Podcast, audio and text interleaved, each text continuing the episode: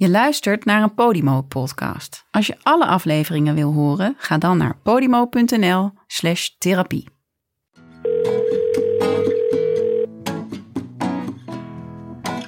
Hey liefie. Broski. Hallo, hoe is ie? Eh, jezus, weet ik veel. ik heb geen idee. Nou, dat mag ook. Maar dan gaan we straks toch weer achter Ja, komen. dat is waar, dat is waar. Wat, eh, wat is eigenlijk het idee, het idee voor vandaag? Nou, ja, dat zou je niet raden. Ik heb het onthouden. We gaan het over jou hebben. Maar niet Gaat het weer Gaat over weer over mij? jou. Ja, ik vraag me ook af wat ik nog in die podcast doe. Maar ik vind het wel fijn om even Femke op de bank te zitten. Eh, nee, maar we gaan het wel over iets serieus hebben. We gaan Ja. het namelijk over medicijngebruik hebben. Mm. Eh, vorige keer heb ik het over antidepressief, eh, anti- Ja, ja, eh, ja. over depressiviteit gehad eigenlijk. En nu gaat het over antidepressiva Ja. hebben.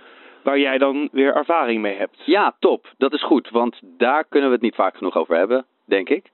Eh, want ik heb daar zeven jaar lang echt keihard nee tegen gezegd. Mhm. Maar gelukkig uiteindelijk ook ja.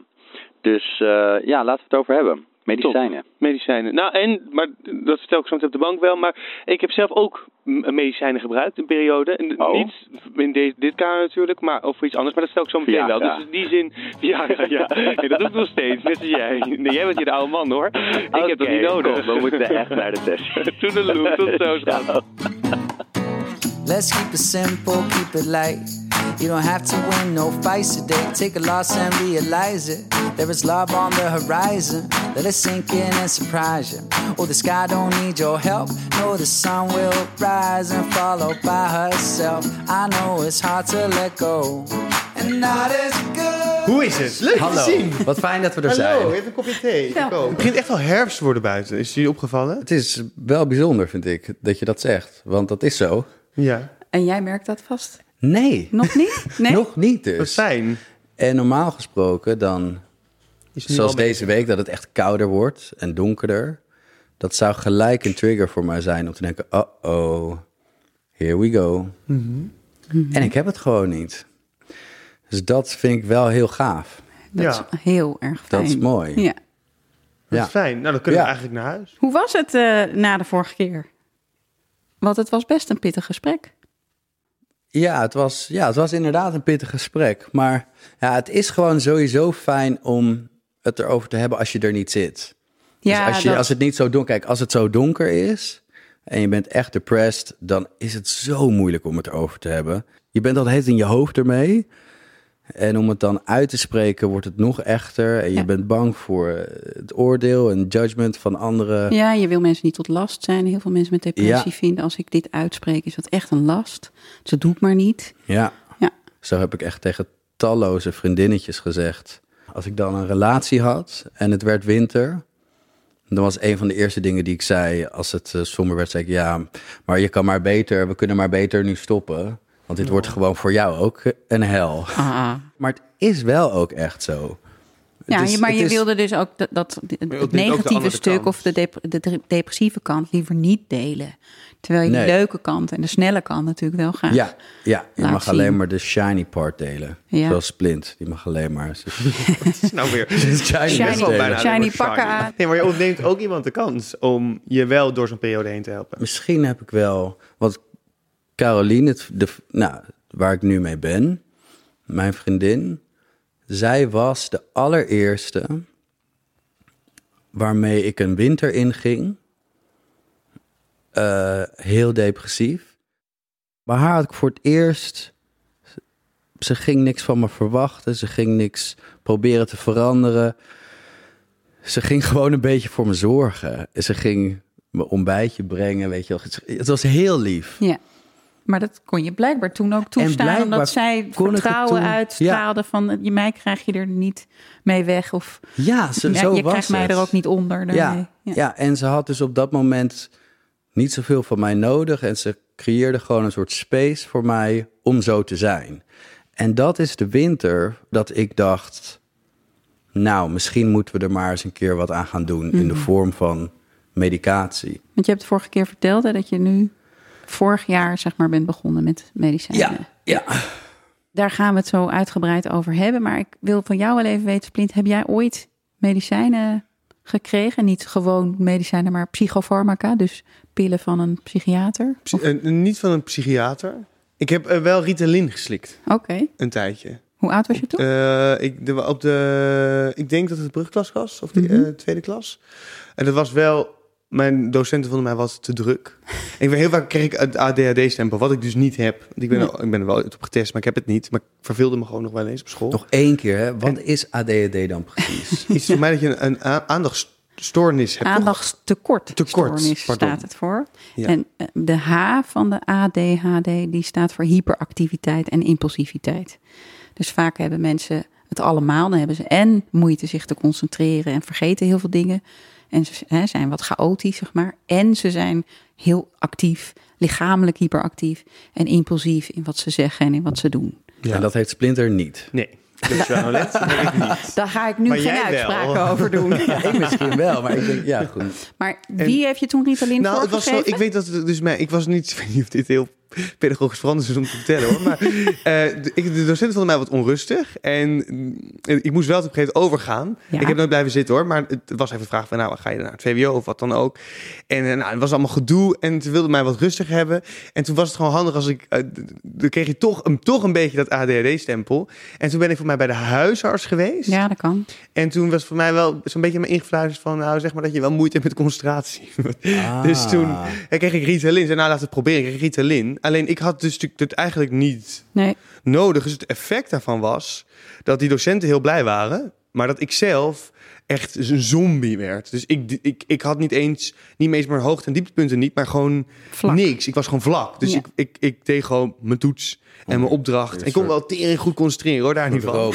Ik wou Maar je bent zeggen, echt een het robot. hielp vast wel een Het- beetje bij de ik wist gewoon, als ik op zondag en ik had de volgende ochtend een SO, dat ik wist gewoon, nou jongens, je ga je maar naar de opa toe. Ik neem even dat pilletje. En dan was zo, oké, vijf minuten wachten, tien minuten wachten. Ja.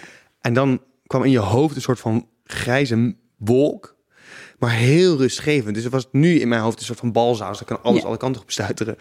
Maar opeens werd die ruimte gewoon helemaal rustig en dan kon ik gewoon geconcentreerd werken. Alleen het effect was er ook van dat ik niet, dat je je eetlust verdwijnt. Dus ik at helemaal niks meer. Nee. Hmm. En mijn moeder is zelf arts, dus die vond het eigenlijk helemaal geen goed idee. En die zag mij gewoon thuis. Dan kwam ik uit school en dan hoi. En dan was er gewoon niet zoveel. Nee. Dus die hebben mij toen eigenhandig eraf gehaald. Want dat is ook nog... Oh ja, ik weet nog, dan moest je eerst opbouwen. kreeg je een half pilletje. Precies. Nou, en op een gegeven moment dan twee pillen. Twee pillen, maar dat bedacht je dan zelf. Ja, ja, misschien.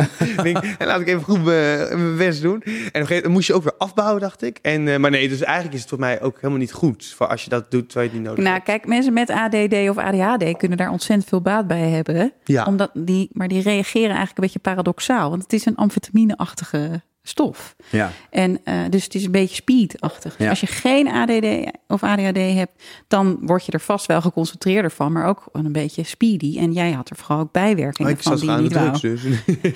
Ja, een hele lage dosering. Dus is Ja. geen drugs, maar echt medicijn. Maar goed. En mensen met, eh, die wel echt een ADHD-brein hebben, die worden er echt rustiger van. Maar die krijgen ook meer overzicht. En die, die, die, die kunnen daarmee gewoon functioneren. Terwijl ze anders alle kanten opvliegen. En het, het zichzelf daarin gewoon niet goed eh, kunnen. Oh, wat grappig. sturen. Ja, ik heb wel eens amfetamines gebruikt. Ja. En ik word daar dus heel rustig van. Ja. En ook eh, gefocust. Ik kan dan opeens gewoon heel erg helder en gefocust langdurig iets doen. Doen. Zonder heel erg afgeleid te zijn. Maar heb, heb je ADD? Of ADD? Nou ja, ik, dat, daar ben ik nooit op. Ja, hoe weet je nou of je ADD of ADHD hebt? Ja, dus we, we doen eigenlijk altijd een diagnostisch interview. Eh, dat is een gestructureerde vragenlijst. En een heteroanamnese. En dat betekent dat we een gesprek hebben met ouders of partner. In ieder geval iemand die heel dichtbij staat. En het liefst ehm, mensen die je ook gekend hebben als kind. Dat soort dingen zijn altijd. We hebben er geen test voor. We hebben geen scan waarmee je kunt aantonen dat je dat hebt. Dus het is ook echt aan de hand van hoeveel last je ervan hebt, hoe het je functioneren beïnvloedt. Eh, eigenlijk is dat met alle eventuele diagnoses zo. Als je er goed mee kunt functioneren, dan heb je al geen stoornis. Als je er niet zo goed mee kan functioneren of toch echt veel last van hebt op verschillende gebieden van je leven, dan moet je goed kijken of je dat of je iets hebt. En dat is, geldt voor ADHD of ADD net zo. En het verschil tussen ADD en ADHD is dat je mensen hebt die vooral van binnen heel onrustig zijn en moeite hebben zich te concentreren en heel vergeetachtig zijn, maar niet naar buiten toe zo hyperactief en impulsief zijn. En ADHD, dat stellen we dus als iemand zichtbaar ook onrustig is lichamelijk en ehm, nou, hyperactief, slecht kan zitten en uh, veel energie heeft altijd. En er zijn behalve Ritalin, wat methylfenidaat is, nog wel andere medicijnen die we daarvoor voorschrijven. Dus we kijken ook altijd wat bij wie het beste past en ook welke dosering. Um, dus bij kinderen wordt er zeker lager gedoseerd dan uh, bij volwassenen. Even terug, Jos, jij zei, ja, ja er, er, is dus op een gegeven moment een einde van de winter gekomen. Uh, waarbij je Carolien wel had toegelaten. Ja. Uh, um, in de moeilijke periode dat je dacht, ik, nou nu misschien wel. Was medicatie jou al wel eerder aangeboden? Zeker. Ja. Of, nou, aangeboden. Uh, ik was geadviseerd. Er, ik, ja, geadviseerd ja. of ik werd ertoe uitgenodigd door. Um, uh, ik, ja, ik had altijd een psychotherapeut, dus mm -hmm. geen psychiater. Ja. En zij heeft mij wel een paar keer door willen verwijzen naar een psychiater. En dat ik de hele tijd zei: nee, nee, dat gaan we niet doen, dat gaan we niet doen. Wil ik niet. Mm -hmm. Hoezo niet? Ja, omdat ik toch het gevoel had dat ik dan verloren had. Dat ik dan helemaal had toegegeven dat ik. Het soort toegeven dat je machteloos bent. Dat is het eigenlijk. En dat is ergens ook best wel iets heftigs. Ja, dat je, dat, dat je gaat toegeven aan jezelf. Dit is sterker dan ik en ik kan hier dus niks aan veranderen. Vind ik nog steeds een, een moeilijk uh, onderdeel van het hele verhaal. Maar ja, nou, dat was een reden. En wat ik ook bij jou in het programma heb verteld, Splint, eerder was dat ik heel bang was om mijn creativiteit te verliezen en mijn identiteit. Zoals jij net zei over dat je thuis kwam van school naar Ritalin nemen, dat je helemaal vlak zombie. was, een soort zombie. Dat was mijn allergrootste angst. Ja. Maar tegelijkertijd moest ik toch aan mezelf toegeven dat die hele winter lang ik eigenlijk precies dat was. Precies datgene wat ik niet zou willen worden. En je psychotherapeut zag ook dat je er echt erg onder leed. En die dacht, nou, dit moet ook anders kunnen. Want Ja. het, is, het is ook heel moeilijk om in een depressie echt goed psychotherapie te kunnen doen. Want je zo negatief kijkt en zo somber bent... Ja, dat heel veel dingen die je bespreekt echt niet aan kunnen komen. nee. Dus hè, het, het advies is vaak ook om dan in ieder geval tijdens een therapie ondersteuning te krijgen van medicatie, zodat je van de therapie kan profiteren. Nou ja, op een gegeven moment zei zij gewoon van... ja, Jos, we zijn dit nu al eh, zes jaar aan het doen. Ja, En het is elke winter hetzelfde. En toen keek ze me aan en zei ze... vind je dat je zo moet lijden? ja. Is dat, ver- verdien je dat? Denk je dat dit nodig is? Dat het bij jou past? Bij je cyclus ja van het als leven. artiest? En toen ging ik daarover nadenken. En toen dacht ik, nou... nee, ik wil eigenlijk niet meer zo, zo veel lijden. En ook gewoon niet meer... Ja, zo moeten... Ik was gewoon op. Mhm. Ook dat het al de zoveelste winter was. Ik was gewoon op. En toen dacht ik, nou weet je, laten we het maar gewoon een keer proberen. Ja, Dus het, voel, het, het voelde ook toen wel als een soort nederlaag. Alsnog, toen ik die keuze maakte. Maar ik zag gewoon geen andere, ik zag Nee. gewoon geen andere optie. het is wel opvallend hè, dat eigenlijk mensen met psychische klachten.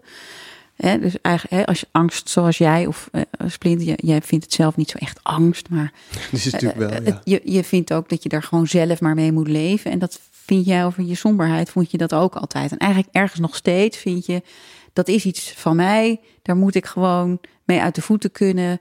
Eh, het zit tussen mijn oren, zeggen mensen. Of andere mensen zeggen dat tegen je. Het zit tussen je oren zo van, dan kun je het Ja, wel veranderen. of gewoon Ja, bij psychische klachten vinden mensen eigenlijk altijd dat ze het zelf moeten kunnen oplossen. En eh, bij lichamelijke ziektes vinden we dat we pech hebben en dat we daar dan mee moeten leven en er medicijnen voor moeten gebruiken en er dingen aan moeten doen om gezond te blijven. Ehm, maar die vergelijking kan heel sterk zijn, omdat eh, mensen zich altijd zelf verantwoordelijk voelen voor hun psychische probleem. Terwijl dat krijg je gewoon. Je hebt de pech dat, je, dat jij dat nu krijgt. gewoon echt, ik doe iets verkeerd. Ehm, ik doe iets verkeerd en dit, deze somberheid, deze depressie, die komt mij iets vertellen daarover. Ja. Die komt mij vertellen dat ik mijn leven verkeerd inricht. Ja. En in order to get happy again, moet ik echt een grootschalige verandering doorvoeren om daar te komen. Maar na zes keer proberen dat voor elkaar te krijgen, hè, lijkt het dan ook wel iets. Ja, wij noemen dat dan, er zit gewoon een biologische component aan. Het, je kan er niks aan doen dat jouw brein kwetsbaar is om zo somber te worden in de winter. Maar wat doet dat medicijn dan? Of Ja. wil je daar niet heen? Nou, ja. Jawel, ja, want wat, het wat hebben, is toch? precies? Want wat heb je toen, Nou, toen je er eenmaal aan toegaf en toen we dacht: ik ga mijn nederlaag maar aan eh, toegaf, toen zei mijn psychiater, zij zei, we gaan beginnen met 20 milligram fluoxetine. Ja, En dat is een Prozac, als ik me niet ja vergis. dus Prozac is de merknaam. Ja. Bestaat al heel lang. Ja. en ze zei, ik wil dit proberen om te kijken of ik jou een beetje kan uitlevelen. Dat ik in de zomer niet zo hoog ga en in de winter niet zo, zo, zo, zo diep en Ja. zo donker. Het enige wat ze zei was, we moeten even goed kijken, want dat kan ook ontremmend werken. Ja. En ik, Dus tegenovergesteld van wat je wilt. Of dus zij was daar voorzichtig mee. Ja, het is ook gewoon een, de, de laagste dosering, zeg maar, Ja. die je dan krijgt. En nou, dan zegt ze van, ja, het heeft even een paar weken nodig. Ja. Drie weken of zo. Of Ja, drie tot zes. drie tot zes weken om even te plekje te, vinden in je, in je, in je balans, Ja. in je hoofd. Ja. Dus ik moest me erop voorbereiden dat het een beetje gek, gek kon aanvoelen de, de eerste paar weken. Ja, Ja, maar Ja. de eerste weken hebben mensen vaak veel last van bijwerkingen. Vooral je maag-darmstelsel. Dat reageert eigenlijk als eerste vaak. Dus dan worden mensen misselijk, of ze krijgen buikpijn, of ze hebben obstipatie of juist diarree. Dus die eerste weken kunnen wel wat last geven. Zo eeuw. Ja. Ik weet niet, hoe was dat bij jou die eerste weken? Heb je je toen raar gevoeld of ik last heb gehad? me wel een beetje eh, uit balans gevoeld of zo. Ja. Toen is het twee weken een beetje weird geweest. Dat ik af en toe opeens heel moe was. Mhm. Maar het viel eigenlijk heel erg mee. En na twee weken, ja, voelde ik het gelijk. Ik Ja? had, en ik, ja, Wat ik, voel je dan? nou, ik had gewoon een hele smooth transition eigenlijk. Ik werd, het werd lichter in mijn hoofd, het werd helderder. Ik kon, ik had meer controle over mijn eigen gedachten. Dus als, als er dan Ja. een gedachte kwam, dan kon ik ervoor kiezen of ik daar aandacht aan ging besteden of niet. Ja, Ik weet nog heel goed dat we bij DWDD een liedje gingen spelen. Op 6 maart. 6 maart? Ja, vrijdag 6 maart. Je nieuwe album, Weet je dat nog? Ja, weet je waarom? Oh my god. Ik zat er ook namelijk. Jij was daar ook? Ja, ik was er ook. Maar ik kende elkaar toen helemaal Wij niet. kennen elkaar toen nog helemaal niet. Ah, wat. De- achteraf. Holy shit, Ja. Weet je hoe ik erachter kwam? Jij zat daar met je hele familie? Ja, ik zat met mijn hele familie. Jullie gingen naar de boekenbal. Ja. Ik weet het weer. Daarom weet ik dat het jou unfold deed je daar. Dit is Unfold. Ja, Heel dat breekbaar was, wist ik liedje. toen ook niet. Maar achteraf, afijn, ga verder. Oh my god, wauw. Synchronicity. dit. Nou, en ik moest dus eh, een liedje gaan spelen. Ja. En kijk, als je echt in een depressie zit... en je moet voor mensen iets gaan doen... terwijl je je echt op je kwetsbaarst ooit voelt... dan ja, dat lijkt echt bijna onmogelijk. Ja, het is net alsof Dat je zonder huid ver- daar zit. Verschrikkelijk Ja. is dat. En ik stond daar en ik ging zingen en ik had een valse noot. Ik weet nog, ik had een valse noot. En ik ging het terugluisteren op de weg terug en ik hoorde die valse noot. En ik dacht, ah, jammer van die valse noot. Maar ik had verwacht dat ik zou denken, en nu maak ik er een einde aan. Ah, ja. Dit is zo het allerergste wat me ooit had kunnen overkomen. Dit is op tv geweest, mensen hebben me vals horen zingen. Jos, het is klaar. Nu ben je gewoon Ja. Ja. En dat kwam niet. Ik zag gewoon, ik hoorde die valse noot en ik dacht, ach, jammer, Jammer. van die valse noot. En ik, dat was voor mij ongelooflijk. Oh, ik, ik kon het bijna niet geloven dat ik daar met zo weinig oordeel naar kon kijken en niet en jezelf luisteren. helemaal naar beneden hoefde te halen. Nee, ik dacht gewoon, oké, Ja. fuck it, volgende keer beter. Ja. En dat was echt voor mij zo'n epiphany. Dat was zoiets nieuws. Ah, ja. En toen wist ik, oké, this might work for me. Weet je wel, dit, dit is misschien iets goeds. Ja, Wij zien ook vaak dat het effect van een SSRI echt kan zijn, is dat je een soort buffertje krijgt tussen je negatieve gevoelens en jezelf. En dat je dingen niet zo zwaar meer opvat als eerder. En uh, eigenlijk gewoon makkelijker je schouders op kan halen daarover. En dat is ook uh, wat, wat mensen weer meer vrijheid geeft om gewoon te gaan doen wat ze willen doen. Maar kan het ook negatieve effecten hebben? Tuurlijk. Ja, zeker. Kijk, als we alleen maar positieve effecten ervan hadden, dan uh, was het helemaal geen issue. Iedereen Dan zou, het, ja. ja. dan zou je het iedereen voorschrijven. Maar het is helaas niet zo. We hebben geen enkele pil die voor iedereen geschikt is en die geen bijwerkingen geeft. Dus ik ben wel benieuwd of je, hè, behalve dat die transition blijkbaar redelijk makkelijk was en dat je na twee weken al merkte dat het hielp, of je er ook bijwerkingen bij hebt. Ja, nou kijk, oké, here we go. Het heeft wel voor mij een kleine disconnect, uh, voor een kleine disconnect gezorgd tussen mijn hoofd en mijn, en mijn lijf. Ja. Want ik heb mijn lijf altijd heel erg. Uh, daar, daar zorgde ik altijd goed voor. Mm -hmm. En dat was ook altijd heel erg nodig voor mij. Ik moest goed voor mijn lichaam zorgen om me ook in mijn hoofd goed te. Uh, content te voelen. Ja. En ik kwam er langzaam maar zeker achter dat ik iets minder voor mijn lijf begon te zorgen. Ja. Maar dat het geen effect had Ja. op mijn hoofd. Want er was een soort nullijn. Dus ik was sowieso wel tevreden. Ik, ik ben bijvoorbeeld minder gaan sporten. Ik, en ik ben gewoon minder goed voor mezelf gaan zorgen. Ik merk dat ik, zoals ik vroeger eens in de zoveel tijd op een feestje uh, een keer uh, wat drugs deed, Ja. hè, heel recreatief, merkte ik dat dat het afgelopen jaar het er een beetje insneakte dat ik dat steeds regelmatiger kon gaan doen. En ik voelde de effecten er niet van. Ja, precies. Als in- Je raakte er niet zo van uit balans. Nee, en normaal gesproken als ik een keer drugs had gedaan op een feestje, dan voelde ik gelijk de volgende dag al, oké, dit gaan we, eh, dit gaan we een half jaar niet doen of zo, weet je wel. Dit was gewoon dit feestje, dit was leuk. En dat, ja, dat gaf mijn lichaam heel erg duidelijk aan, die grens. Ehm, en dat voelde ik niet meer. En Dus er was eigenlijk ook een soort buffer tussen jou en je eigen signalen van je lijf. ja, dus Ja. de natuurlijke signalen van Ja. mijn lijf, die kwamen iets minder goed aan. Ja, Ehm, en ja, zo ben ik toch wel.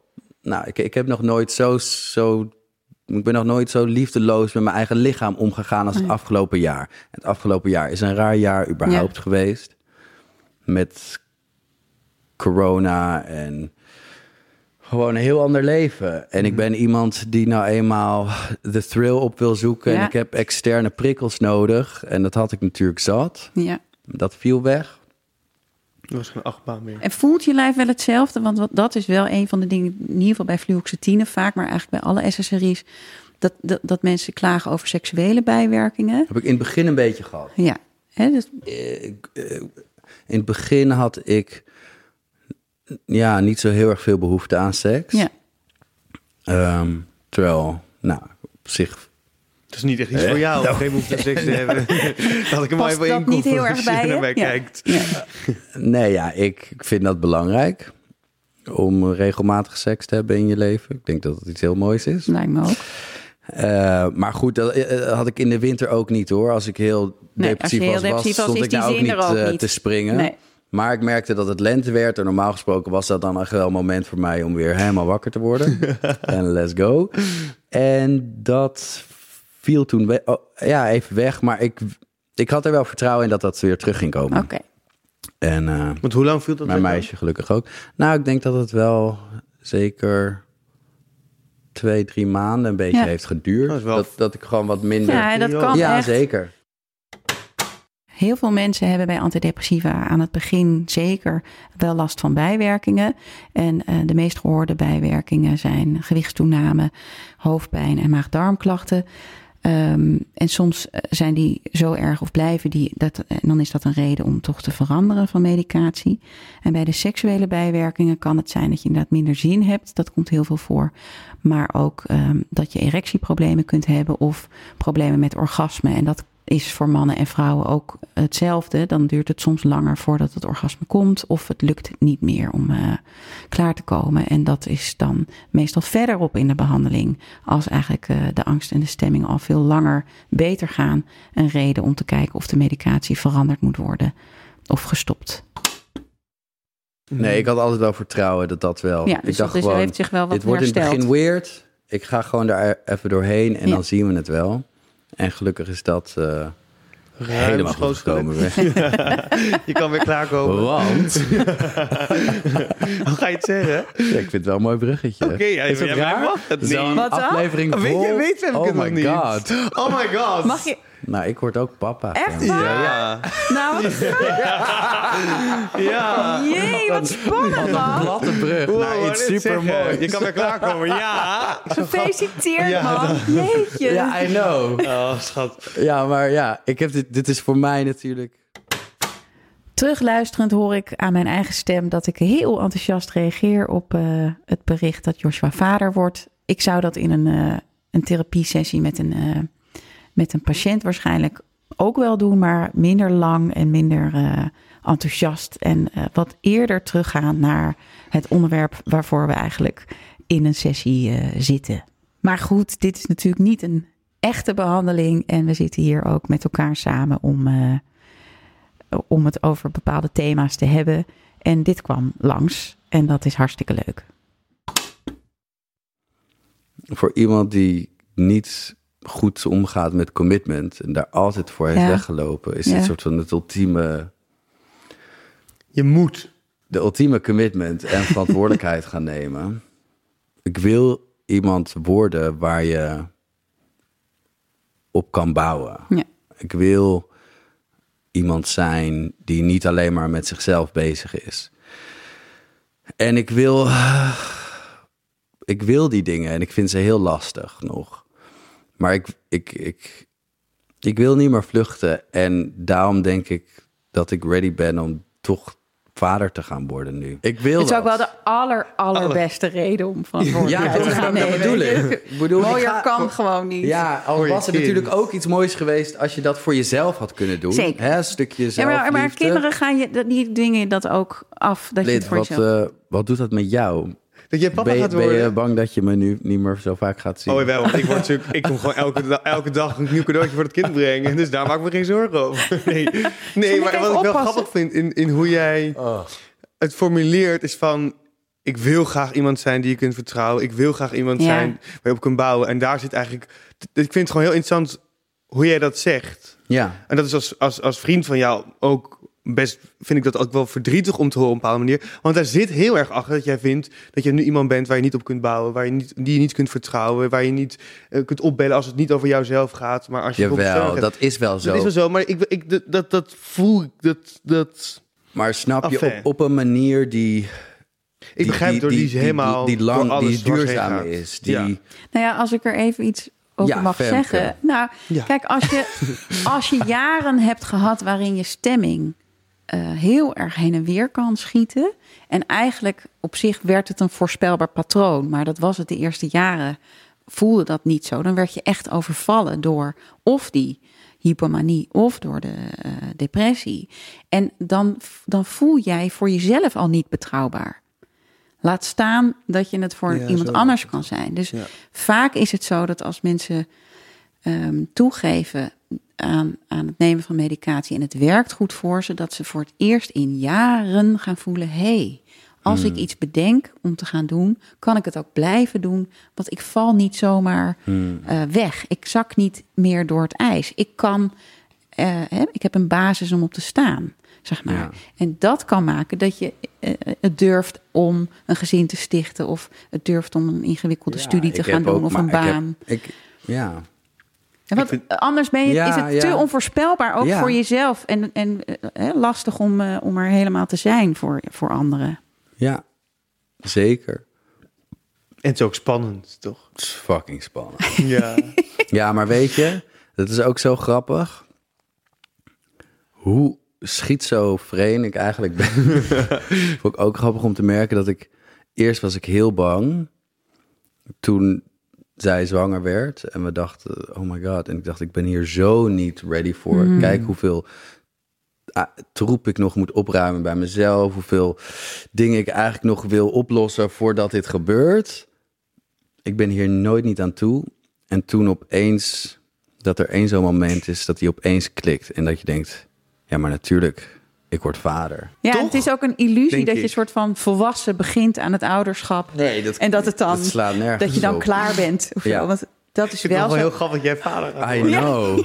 Die, die showporn die overal heen stuitert, die gaat nu opeens een kind opvoeden. Nou, En dat hoop je wel een te comedy. combineren gewoon nog met een leven met de band en met muziek. Ja, zeker.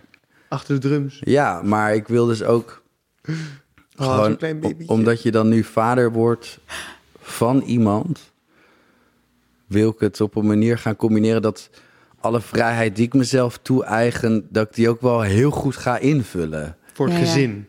Ja, nou, of maar wat bedoel gewoon je dan? om te laten zien wat voor man je bent. Ja. Voor je kinderen of Ja. zo, weet je wel. voorbeeld ook Dus nu heb ik Chef Special, maar heb ik ook nog vrijheid daarnaast waarvan ik vind dat hij erbij hoort en allemaal bullshit Ja. en vluchten.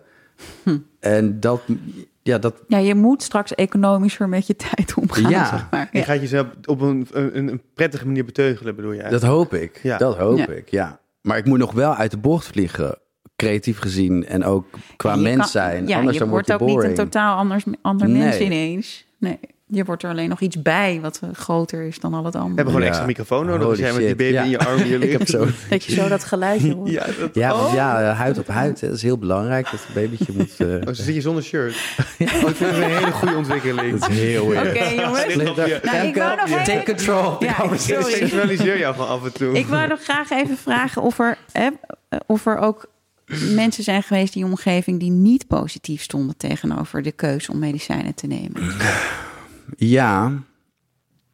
Ja, al, eh, al heeft ze het nooit zo gezegd, maar ik heb het altijd gevoeld dat mijn moeder ehm, iemand is die ja, eigenlijk vanuit een bepaalde overtuiging überhaupt niet voor medicatie is voor je, voor je brain, voor je mentale gezondheid. Ja. Dus wat ik eerder in het gesprek zei over ehm, dat zoiets je iets komt vertellen, Ja. zo'n depressie, daar, ja, zij zit heel erg eh, op, op, die, eh, op, op die vibe. Nee, zij, ik, ik kon haar dus ook niet, ik, ik ging haar toen vertellen en zij kon ook niet heel enthousiast voor mij zijn of blij. Over de medicijnen. Ja, ja. En eh, nou, ik heb met haar, ik heb toevallig met haar afgelopen maandag het hier best wel lang over gehad. Ik weet even niet hoe ik het goed moet terughalen, maar ze zegt dat bepaalde angsten of zo'n angststoornis of een depressie, dat het symptomen zijn van, ehm, van iets wat misgaat. Ja. Ehm, terwijl ja, ik kan daar gedeeltelijk in mee, maar ook weer niet. Want uiteindelijk is het ook gewoon een chemical. Ja, goed, zij is gewoon niet Dat van. zij vindt het gewoon heel lastig om. eh, als je buiten het gemiddelde gaat zitten en dat je dan dat gaat aanwijzen en gaat zeggen: ja, dat is een stoornis. Ja. Hè? En daar, Ja. dat snap ik. Ik kan daar heel erg in komen. Zullen we geen mensen modelle- modelleren naar één? Ja, maar het, kijk, dat is wel de reden dat ik voelde vanuit haar dat zij daar ook niet een voorstander van was. Dat heb ik ook meegenomen in mijn journey. En daarom heb ik, het lang niet, heb ik er lang niet voor gekozen. En ik ging daar met haar over praten. En toen trok ze dat zich heel erg aan. Ze dacht, oh shit, ik zal toch niet de reden zijn geweest dat jij zo lang Ja. dat niet hebt gedaan. Ja. Want Dat heeft ze nooit gewild. Nee. Ja. Ehm, maar ja, zij is ook, zij heeft ook eh, een, een bipolaire stoornis. En ehm, nou, zij heeft heftiger, is zij heen en weer geslingerd nog eh, dan ik. Zij heeft zelfs, eh, heeft zichzelf even moeten laten opnemen. Ja. En nou, hebben ze haar ook medicatie gegeven. Zij is uiteindelijk vanaf gegaan. Eh, want ze wilde het niet. En nu heeft zij, weliswaar op de, ze- zij is in haar zestiger jaren, heeft zij een manier gevonden om het zonder medicatie te doen. En ik zie dat. En ik zie dat zij heeft haar manier gevonden. Ja. En dat vind ik ook iets heel moois. Maar dat wringt ook tegelijkertijd. Dat nou, ik denk zeker, van, want er is ook een stuk van jou wat graag zou willen. Dat je het helemaal zelf zou kunnen Ja, nog steeds. regelen. Ja. Ja. Ja, En dat is ook, denk ik, ik, ik denk dat het een hele lastige discussie is. Want ehm, het maakt wel uit wat voor leeftijd je hebt. Ja. En de heftigheid maakt ook uit. ja, Maar we weten dat in de loop van het leven het vaak wel een beetje eh, uitblust, zeg wat maar. rustiger wordt. Wat rustiger wordt. En bij bipolaire stoornis is ontzettend belangrijk dat je rust, rein en regelmaat Ja, eh, in je leven brengt. En dat je heel goed op de signalen let eh, die aangeven wanneer je weer de ene kant of de andere Ja. kant op dus aan het ontregelen bent. En dat is een hele mooie manier om ermee om te gaan als dat lukt. Ja, Ehm, maar, nou ja, ik als psychiater zie het wel zo dat je soms zo ver ontregeld kunt raken dat je dat niet zelf meer terugkrijgt. krijgt en dat dan de steun van medicijnen, en dat kan, eh, kunnen heel verschillende ingangen zijn. Je hebt natuurlijk niet alleen maar antidepressiva, er zijn ook eh, andere middelen die dan kunnen helpen om weer wat meer terug in balans te komen. ja. Ik, ik denk dat, dat het voor heel veel mensen iets lastigs maakt ook. Omdat er zijn natuurlijk allemaal horrorverhalen over Zeker. medicatie. Zeker. En eh, ja, die zijn er gewoon. Nou, en maar dus dus, mensen zien vaak ook wel hè, anderen in hun omgeving die bijvoorbeeld inderdaad een beetje een zombie-achtig eh, Ja. eh, uiterlijk krijgen of eh, heel traag worden of eh, Of overdreven vrolijk. ja, of een beetje kunstmatig lijken Ja. te zijn geworden. Dus het, het is ook echt zo, en dat vind ik ook echt een taak voor ons als psychiater, dat je zo goed mogelijk zoekt naar een balans tussen ehm, eh, oké zijn en, en niet hoeven lijden, ja. maar ook niet ehm, ja, anders worden of eh, Nee. waar jij bang voor was, je creativiteit verliezen of iets Ja, dergelijks. maar het is natuurlijk vaak zo dat als iemand al zo ver eh, heen is, bijvoorbeeld heel hoog in de manie zit of Ja. heel erg depressief is, dan is het al op een punt dat diegene daar zelf niet meer uit Nee, gaat komen. precies. Dus dan is het geschut wat je er tegenover moet gaan zeggen ook gelijk best wel zwaar. Heftig. Ja. Dus dat is vaak een soort cocktail die Ja. nooit een leuke uitkomst heeft. Nee. Die nooit, waarvan nooit iemand gaat zeggen: Oh ja, nou ik heb dit pilletje en nu is alles fijn. Ja. Dus daar zit ook weer een hele reis aan, Absoluut. aan vast. Ja. Nou goed, de grote valkuil die er is, is om te denken dat je dat pilletje neemt en dat je dan klaar bent. Ja. En dat is voor iemand zoals ik dan weer heel makkelijk. Om Ja. te denken, oh, alles gaat goed nu. Dus ik hoef niet meer mezelf te checken. Ik hoef niet zo hard of te werken. Om in te checken bij mezelf. Want als ik dat dus niet doe, ja, dan vind ik wel weer een andere manier Ja. om mezelf eh, te, ja, wat- Hoe wil je het noemen? te Kapot te maken? kapot te maken of iets. Eh, Ja. We zijn ook eh, heel creatief daarin. Oh ja. van, ja, je moet gewoon blijven werken. En dat is iets. Destructief. Ja, ik heb iets destructiefs in me. Ik denk Ja. dat iedereen dat heeft. ja, de een meer dan de ander. Ja, Maar Nee, jij hebt het, ja, jij hebt het Ik meer heb dan de ander, Joshua. jij hebt Miller. dat, maar ja, maar ik heb tegelijkertijd ook heel veel liefde voor, me, voor mezelf en mijn lijf of zo. En dat mis ik dus nu gewoon Ja. eventjes, toch? Ja, dus, dus wel iets, Dat een denk, stukje ik- weg of ik- een stukje van, van ik je moet eigen harder connectie. werken. Om daar dan toch bij te blijven. Ja. ja, dus Splinter, jij hebt eigenlijk, jij hebt Joshua niet gekend voor de medicijnen. Eh, nee, eigenlijk niet. Nee, ik heb hem altijd in deze staat meegemaakt. Daar valt ook genoeg over te zeggen hoor. Maar dat is nu te, dat, is, dat is te lang voor nu. Maar eh, eh, kijk, dit is ook Joshua. Die gaat dan tijdens zo'n sessie op zijn Nee, mobiel sorry, maar ik word echt tien keer gebeld en nu denk ik, er is, Oh, er is een soort emergency. Er is iets maar ga aan de Nee, dat is de taxi denk ik voor jou, schat. Oh ja, natuurlijk. Voor ons. Voor ons. Ja, maar, Gaat ik het ga- snel, joh? Is het Ja. alweer zo laat? ja, maar weet je hoe lang jij antwoord geeft? Wat wil jij zeggen, Splint? Ja, ik wil niks zeggen. Echt wel, joh. Nee, ik zeggen. denk dat dat doen we in de volgende sessie wel. Oké. Nou, ik denk dat het wel even genoeg is voor één, eh, voor één sessie. Helemaal goed. Jezus. Of Ga jij volgende keer weer iets delen? Hoezo? Ja. Hoezo? Ik heb Ja, niks ik te delen. Mij- op, Niks te delen. Nee, mij gaat gewoon. Ik heb gewoon geluisterd. Ik heb vragen gesteld. Dat is ook belangrijk. Ja. Maar wat er vanavond gebeurde is natuurlijk wel een van de dingen waar je als je niet let op je balans en je zou bijvoorbeeld wel ook na een hele dag werken, ook nog naar een première en dan morgen weer iets en zo. Ja. Daar, daar kan je ook eh, van Mm. ontregelen. En daar zou je bijvoorbeeld jouw eh, angsten zouden er erger van kunnen worden. Ehm, maar je stemming eh, reageert ook heel erg op spanning en op, op te veel, zeg maar, doen. Ja. Ik vind het wel interessant dat je dus een agent hebt die zegt... en nou even stoppen, je moet Ja, maar dat is wel mooi. Dat je zegt wel iets over haar. Dat nou, is wel dat vind goed. ik ook. Ik denk ik, ja, je zit, jullie zitten wel in een vak waarin dat vast heel lastig is om altijd goed te. eh, Ik te- wil het liefst, te ik zit met een knoop in mijn maag dat ik daar niet ben, maar dat ben ik. Nee, dat snap ik. Maar dat heeft een andere FOMO. reden. Ja. Maar ik denk dat het wel een idee is om misschien volgende keer leefstijl, hè, eh, wat je kunt doen verder dan medicijnen. Ja, eh, nou laten we daar de te volgende bespreken. keer misschien eh, eventueel nog verder over uitweiden. Dankjewel, Pam. Joe, dank jullie wel. Let's keep it simple, keep it light. You don't have to win no fights today. Take a loss and realize it. There is love on the horizon. Let it sink in and surprise you. Oh, the sky don't need your help. No, the sun will rise and follow by herself. I know it's hard to let go. When things are moving so fast. But you have been before. Remember. And this too shall pass. Wil je meer afleveringen van Joshua en Splinter in therapie luisteren? Ga dan naar podimo.nl slash therapie en luister drie maanden gratis naar deze show en andere podcasts.